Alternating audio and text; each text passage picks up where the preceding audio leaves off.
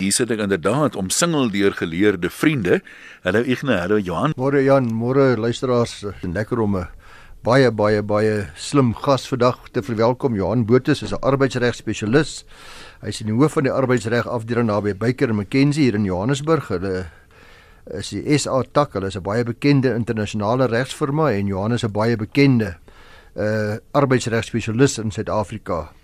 Uh Johan is het 'n LLB en 'n LLM en uh Johan is getroud met Joe, sy uh, Joandra en haar twee dogters Basia en, en Luka en ek weet hy is 'n groot komritsman. Uh, volgende jaar die 10de in Johan. In inderdaad môre ek na môre 1. Ja nee, dit is, uh, is is een van die groot passies in my lewe en dit wat my in die gang hou, jy weet, my kop skoon kry is daai ja. um, daai alleentyd op die pad. He. Maar vandag gaan ons die luisteraars vra Ian uh, met jou goedkeuring om oor alles en nog wat wat die arbeidsreg te, te skakel. Hulle is welkom, maar ek dink byvoorbeeld aan dinge soos onwettige stakings, konstruktiewe ontslag, wat beteken 'n handelsbeperking, daai sogenaamde restraint of trade Uh wat uh, gebeur as ek agterkom dat die man skryf beter salaris as ek as vrou? Is dit reg? Is dit billik? Baie dames kla daaroor. Hoe werk hierdie hele kwessie van swart ekonomiese bemagtiging in die BE aanstellings? Is dit nie onbillik nie? Is maak jy weer daarvoor voorsiening? Uh of ek word nie bevorder die ander mense word hier oor my kop bevorder, word hier baie gereeld. Uh Ja, dit gee ons 'n goeie idee. Ja, ensovoorts. Iets wat baie in die nuus was onlangs, ek weet nie of jy dit dalk daarmee sommer wil begin nie, is die kwessie van arbeidsmakelaars. Ja, asseblief Johan, kan ek daarmee wegskoop is 'n baie goeie begin dink ek in die sin dat uh ons weet dat onlangs is daar 'n konstitusionele hofsaak gewees 'n paar weke gelede 'n meerderheidsuitspraak gegee te gunste van die vakbond Nomsa. Hmm. En uh die hof het bevind uh, met koste die appel van die arbeidsmakelaars Sign Services van die hand gewys en uh, hulle het aangevoer hierdie arbeidsmakelaars dat die wet op arbeidsverhoudinge vir hulle as arbeidsmakelaars as medewerkgewers moet beskou. Die hof het sê ai kon, dit gaan nie gebeur nie en uh, soos jy weet uh, daar's geweldig baie uh, emosie rondom hierdie uitspraak. Daar's ook wat my betref so 'n bietjie verwarring. Daar's verskillende interpretasies van die uitspraak. Uh arbeidsmakelaars sê hulle gaan voort om tydelike werkers aan te stel. Hulle is hulle voel hulle kan dit nog steeds doen en uh soos jy weet hulle is redelik groot in die bedryf en uh, die kliënt van 'n arbeidsmakelaar wat 'n tydelike werker vir langer as 3 maande in diens neem, word soos ek dit verstaan en gevolg hierdie uitspraak voortaan as die werker se enigste werkgewer beskou. Dit het dit het traumatiese impak en 'n 'n effek op op mense wat van arbeidsmakelaars tot nou toe gebruik gemaak word. En jy weet ook wat die kwaad was wat hulle wou besweer. Maar ek sou graag by jou wil hoor net ter afskop. Uh wat is die impak van hierdie uitspraak vir besighede en werknemers?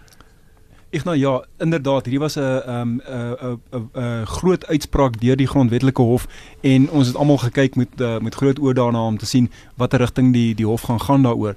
En wat die hof in wese besluit het, ehm um, hierdie gaan terug na die wysigings tot die arbeidswetgewing wat in 2015 in werking getree het. En daardie hof gesê dat indien 'n arbeidsmakelaar wat mense plaas by 'n kliënt vir daai mense plaas vir langer as 3 maande by 'n kliënt en hierdie mense verdien minder as die ehm um, die arbeids die die die uh, vergoedingsdrempel 205000 rand per jaar min of meer so 17000 rand per jaar 'n uh, maand. Ja. So as jy 'n werknemer van 'n arbeidsmakelaar is en die arbeidsmakelaar plaas jou by 'n kliënt, jy verdien minder as 17000 rand 'n maand, na 3 maande word jy die werknemer van die kliënt. So jy's nie meer die arbeidsmakelaar se werknemer, jy word nou die werknemer van die van die kliënt. En dit is maar die groot vraag wat die grondwetlike hof oor moes besin. Is is daar mede verantwoordelikheid tussen die arbeidsmakelaar en die kliënt of is die kliënt die enigste werkgewer van die van die werknemer ja. na 3 maande? En is die laaste geval wat die ehm um, die wat die arbeid uh, grondwetlike hof gesê het gesê na 3 maande is die kliënt die enigste werkgewer. Maar kan ek vir jou net prakties nou vra? Nou sê jy kyk wat die hof jy wou besweer dink ek is dit wat beskou word as 'n onbillike arbeidspraktyk. Met ander woorde ek het geen werknemer in my eie naam nie ek het 'n besigheidjie maar ek gebruik die arbeidsmakelaar. Wat ek eintlik moet doen skuif eintlik my verantwoordelikhede en my verpligtinge na iemand anders toe. Ek sê hoor ek wil niks met al die moeilikheid te doen hê wat werkers vir my gaan veroorsaak nie. Jy steef my die werkers.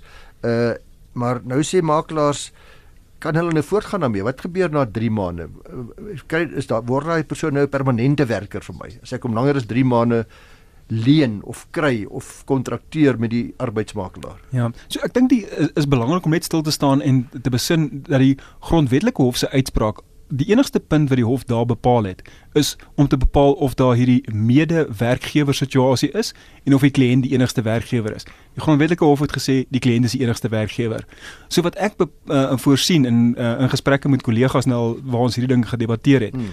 Ek vermoed dat oor die volgende 2-3 jaar gaan ons nog menige ehm um, uh, uh dispute en geskille kry wat waar die ander howe nou gaan moet kyk en sê luister, hoe interpreteer ons dit? Wat het, wat is die praktiese gevolg daarvan?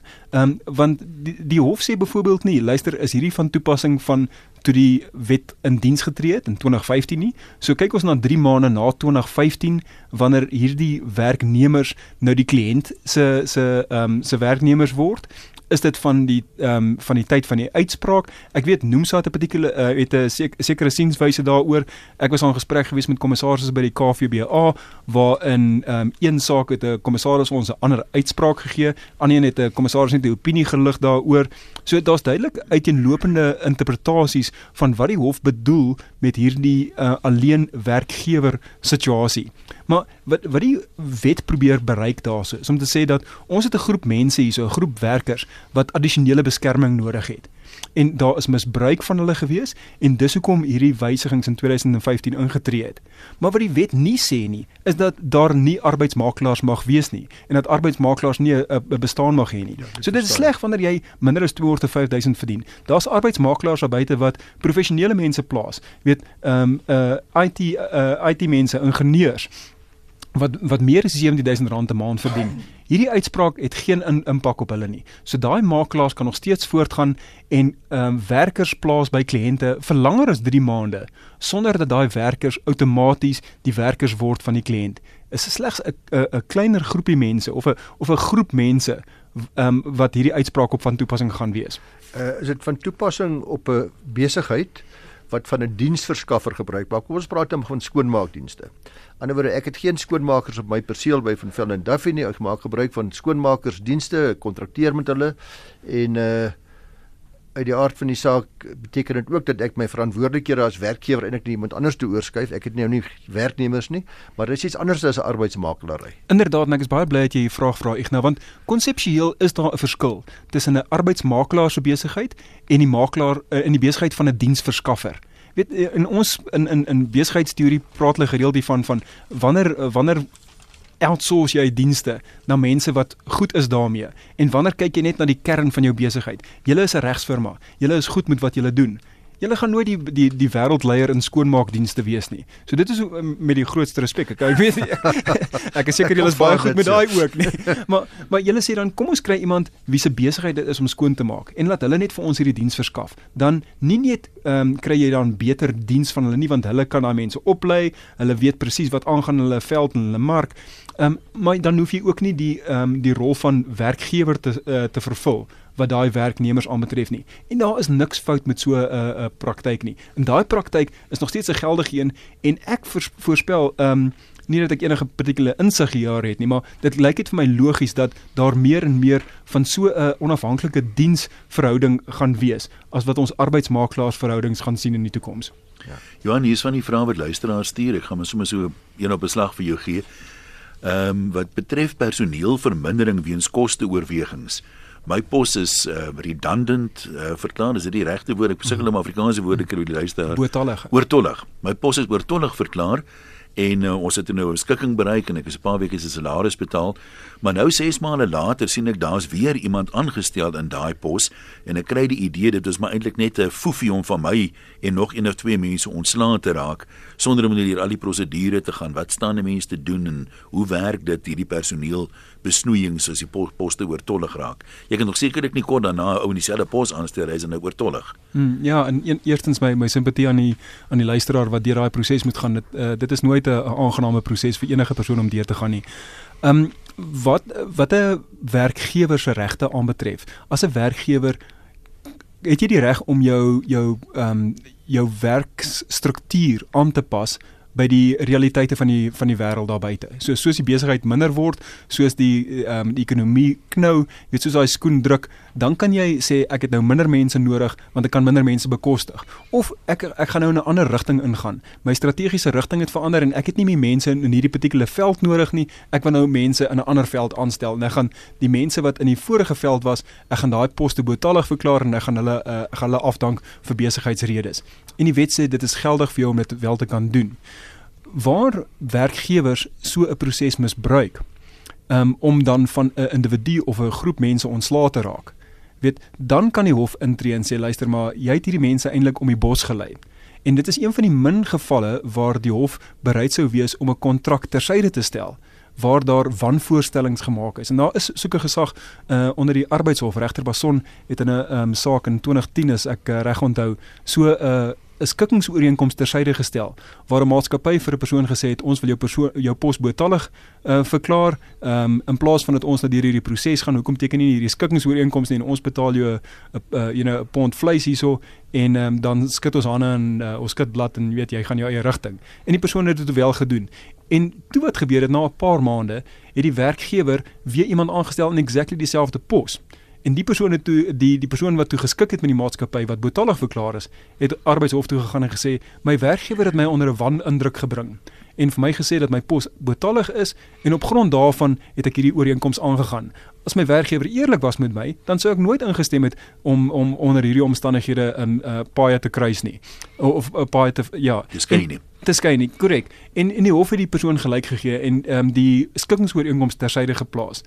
Ehm um, ek wil my my ehm um, bekommernis wat ek net aan die aan die luisteraars sal oordra sê dat dinge verander wel in 'n besigheid. Mens moet seker wees dat binne 6 maande het daar nie enigiets gebeur nuwe kontrak byvoorbeeld gekry of so iets nie. Korrek, weet wat die werkgewer 'n geldige besigheidsrede gee om weer na so 'n pos te kyk nie. En as mense nou 'n bietjie verder sou krap, kan jy miskien agterkom dat luister die pos nie presies dieselfde as die een wat betalig verklaar is nie. So 'n werkgewer wat mooi sal dink oor hierdie goed ehm um, en dinge reg sal wil doen, sal besef en sê luister, ek kan nie net weer dieselfde pos daar inbring nie. Ek het wel 'n behoefte vir sekere van die van die uitsette van daai pos, sekere van die funksies van daai pos, maar ek gaan dit nou kombineer met 'n ander pos ja, en 'n nuwe ja. pos daar skep en dan is dit nie dieselfde pos as wat betalig verklaar is nie.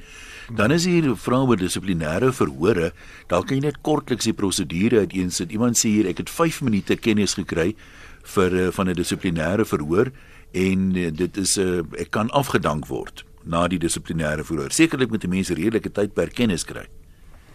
Ja nee, ek ek moet vir jou sê nee, ek is 'n groot voorstander van om interne dissiplinêre prosesse so so kort en bondig en simpel as moontlik te hou maar selfs my ehm um, weet my jare sou ren staan as as jy net vir 'n ou 5 minute gee om homself voor te berei vir 'n dissiplinêre verhoor. So die wet op arbeidsverhoudinge ehm um, in skedule 8 sê dat 'n persoon moet redelike kennis 'n uh, redelike kennis kry van die verhoor. Jy moet vir hom verduidelik wat wat die aanklag is. Hoekom is ek ongelukkig met jou? Gee hom 'n redelike tydperk om voor te berei en dan luister jy na na wat sy saak is. Die hof of die wet op arbeidsverhoudinge skryf nie hierdie Nuremberg verhore voor wat ons in terme dissiplinêre uh, verhore on, ontaard het nie. Maar om vir 'n persoon 5 minute te gee op 'n aantuiging wat kan lei tot sy ontslag. Ek sou sê on uh, ek kan nie dink aan omstandighede waar dit sou billik sou wees om dit te doen nie. Wanneer kan 'n mens iemand kry om jou te verteenwoordig by 'n dissiplinêre verhoor, 'n prokureur of 'n maak nie saak wie dan nou nie? Dis dis 'n goeie vraag. En so as 'n algemene beginsel het enige werknemer die reg tot verteenwoordiging binne die maatskappy, maar jy het nie 'n outomatiese reg tot eksterne verteenwoordiging nie. So jy het nie 'n outomatiese reg tot 'n prokureur of tot 'n vriend wat 'n uh, menslike hulpbronbestuurder by 'n ander maatskappy is of 'n konsultant nie.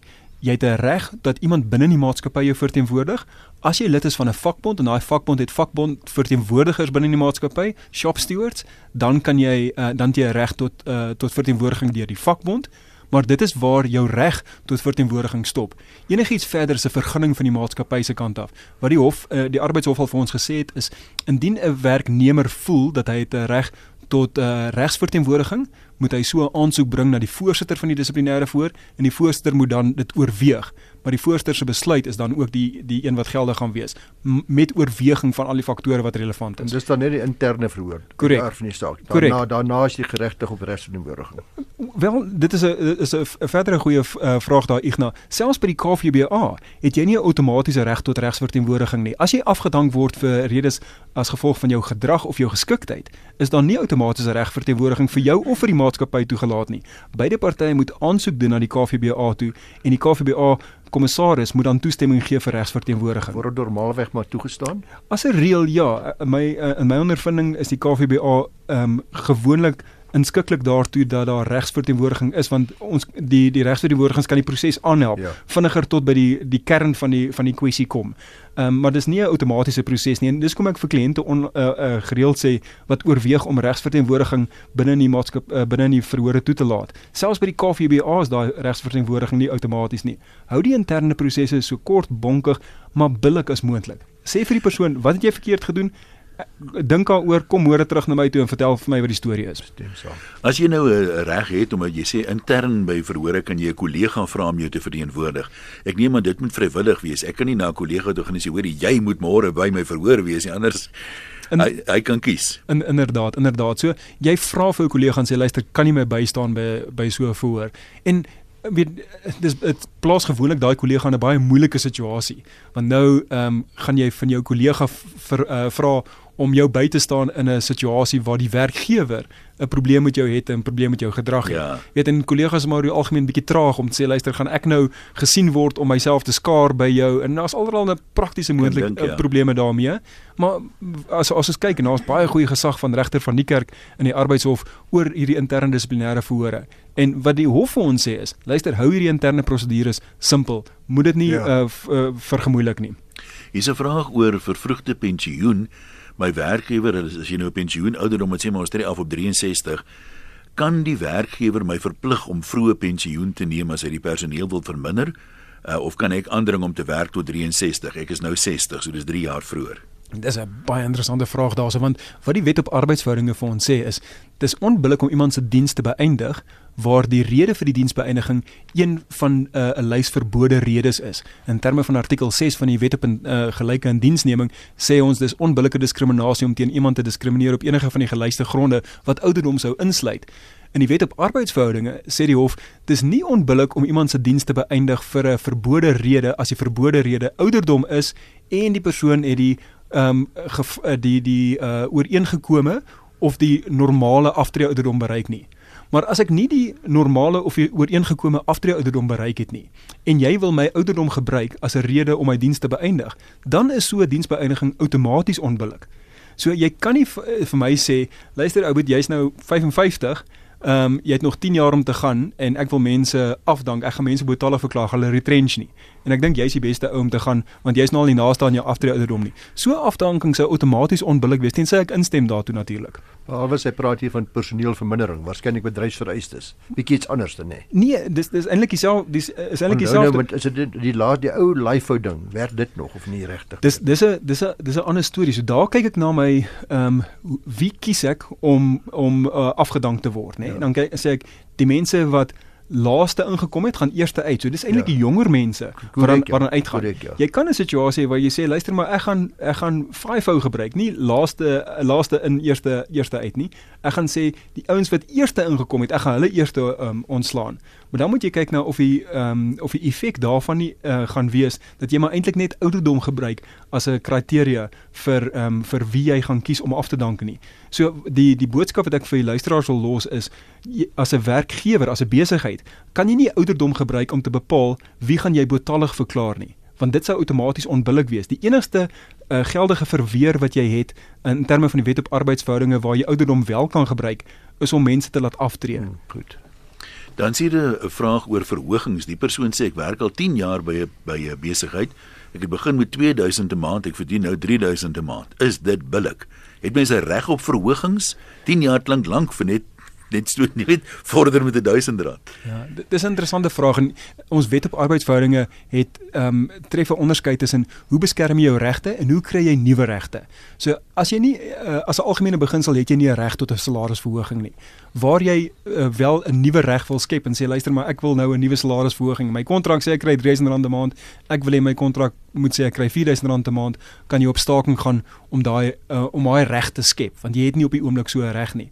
Daar's 'n interessante argument van of dit 'n uh, 'n uh, uh, uh, wat s'ie goeie Afrikaanse term vir implied term van 'n dienskontrak. Geïmpliseerde terme. Ja. Of dit 'n geïmpliseerde terme van 'n dienskontrak sou wees. Maar ek is nie bewus van enige gesag wat die hof al gekyk het daarna nie. So oor al, as 'n algemene uh, reël het jy nie 'n reg tot 'n salarisverhoging nie.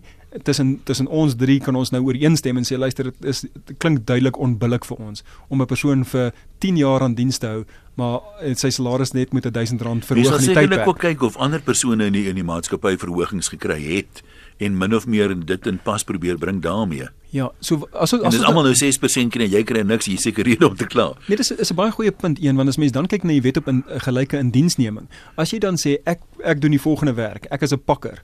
Jy weet, uh, en ek is die enigste pakker wat R3000 'n maand verdien. Al die ander pakkers verdien R10000 of R15000 'n maand. Dan het jy 'n uh, skuldoorsaak wat die die billikheid van jou salaris teenoor die ander mense se salaris ehm um, uh uh betref. So as jy sê ek is 'n pakker en ek is die enigste, kom ons gebruik 'n 'n 'n kategorie. Ek is die enigste Christen uh Afrikaanse man jy weet wat nou 'n pakker is en al die al die uh, ander pakkers wat uh, van ander groepe is, hmm. kry meer as ek. So wat jy eintlik besig om te doen is jy diskrimineer teenoor my op op 'n grond soos geloof, op 'n grond soos etnisiteit, op 'n grond soos geslag. Um en jy diferensieer op my diensvoorwaardes, my salaris daarmee. Maar dan is dit 'n ander skuldoorsaak ja, wat jy het. Maar 'n ander moontlike bron van diskriminasie sou dit wees as jy uh, ek werk al vir 10 jaar vir R20000 en nou hmm. word daar iemand aangestel soortgelyke uh, werk wat dieselfde doen, maar hy is van buite af gewerf vir 35000 rand. Dan sê ek vir my werkgewer, maar mag jy dis daarmee reg nie. Ek is al lojaal vir 7 jaar of 10 jaar. Nou kom jy en stel 'n ou van buite af vir baie meer. En dis en dis 'n klagte wat ons gereeld hoor ja. van van werknemers wat in die maatskappy is. En die werkgewer se ehm um, se antwoord daarop is ek het nodig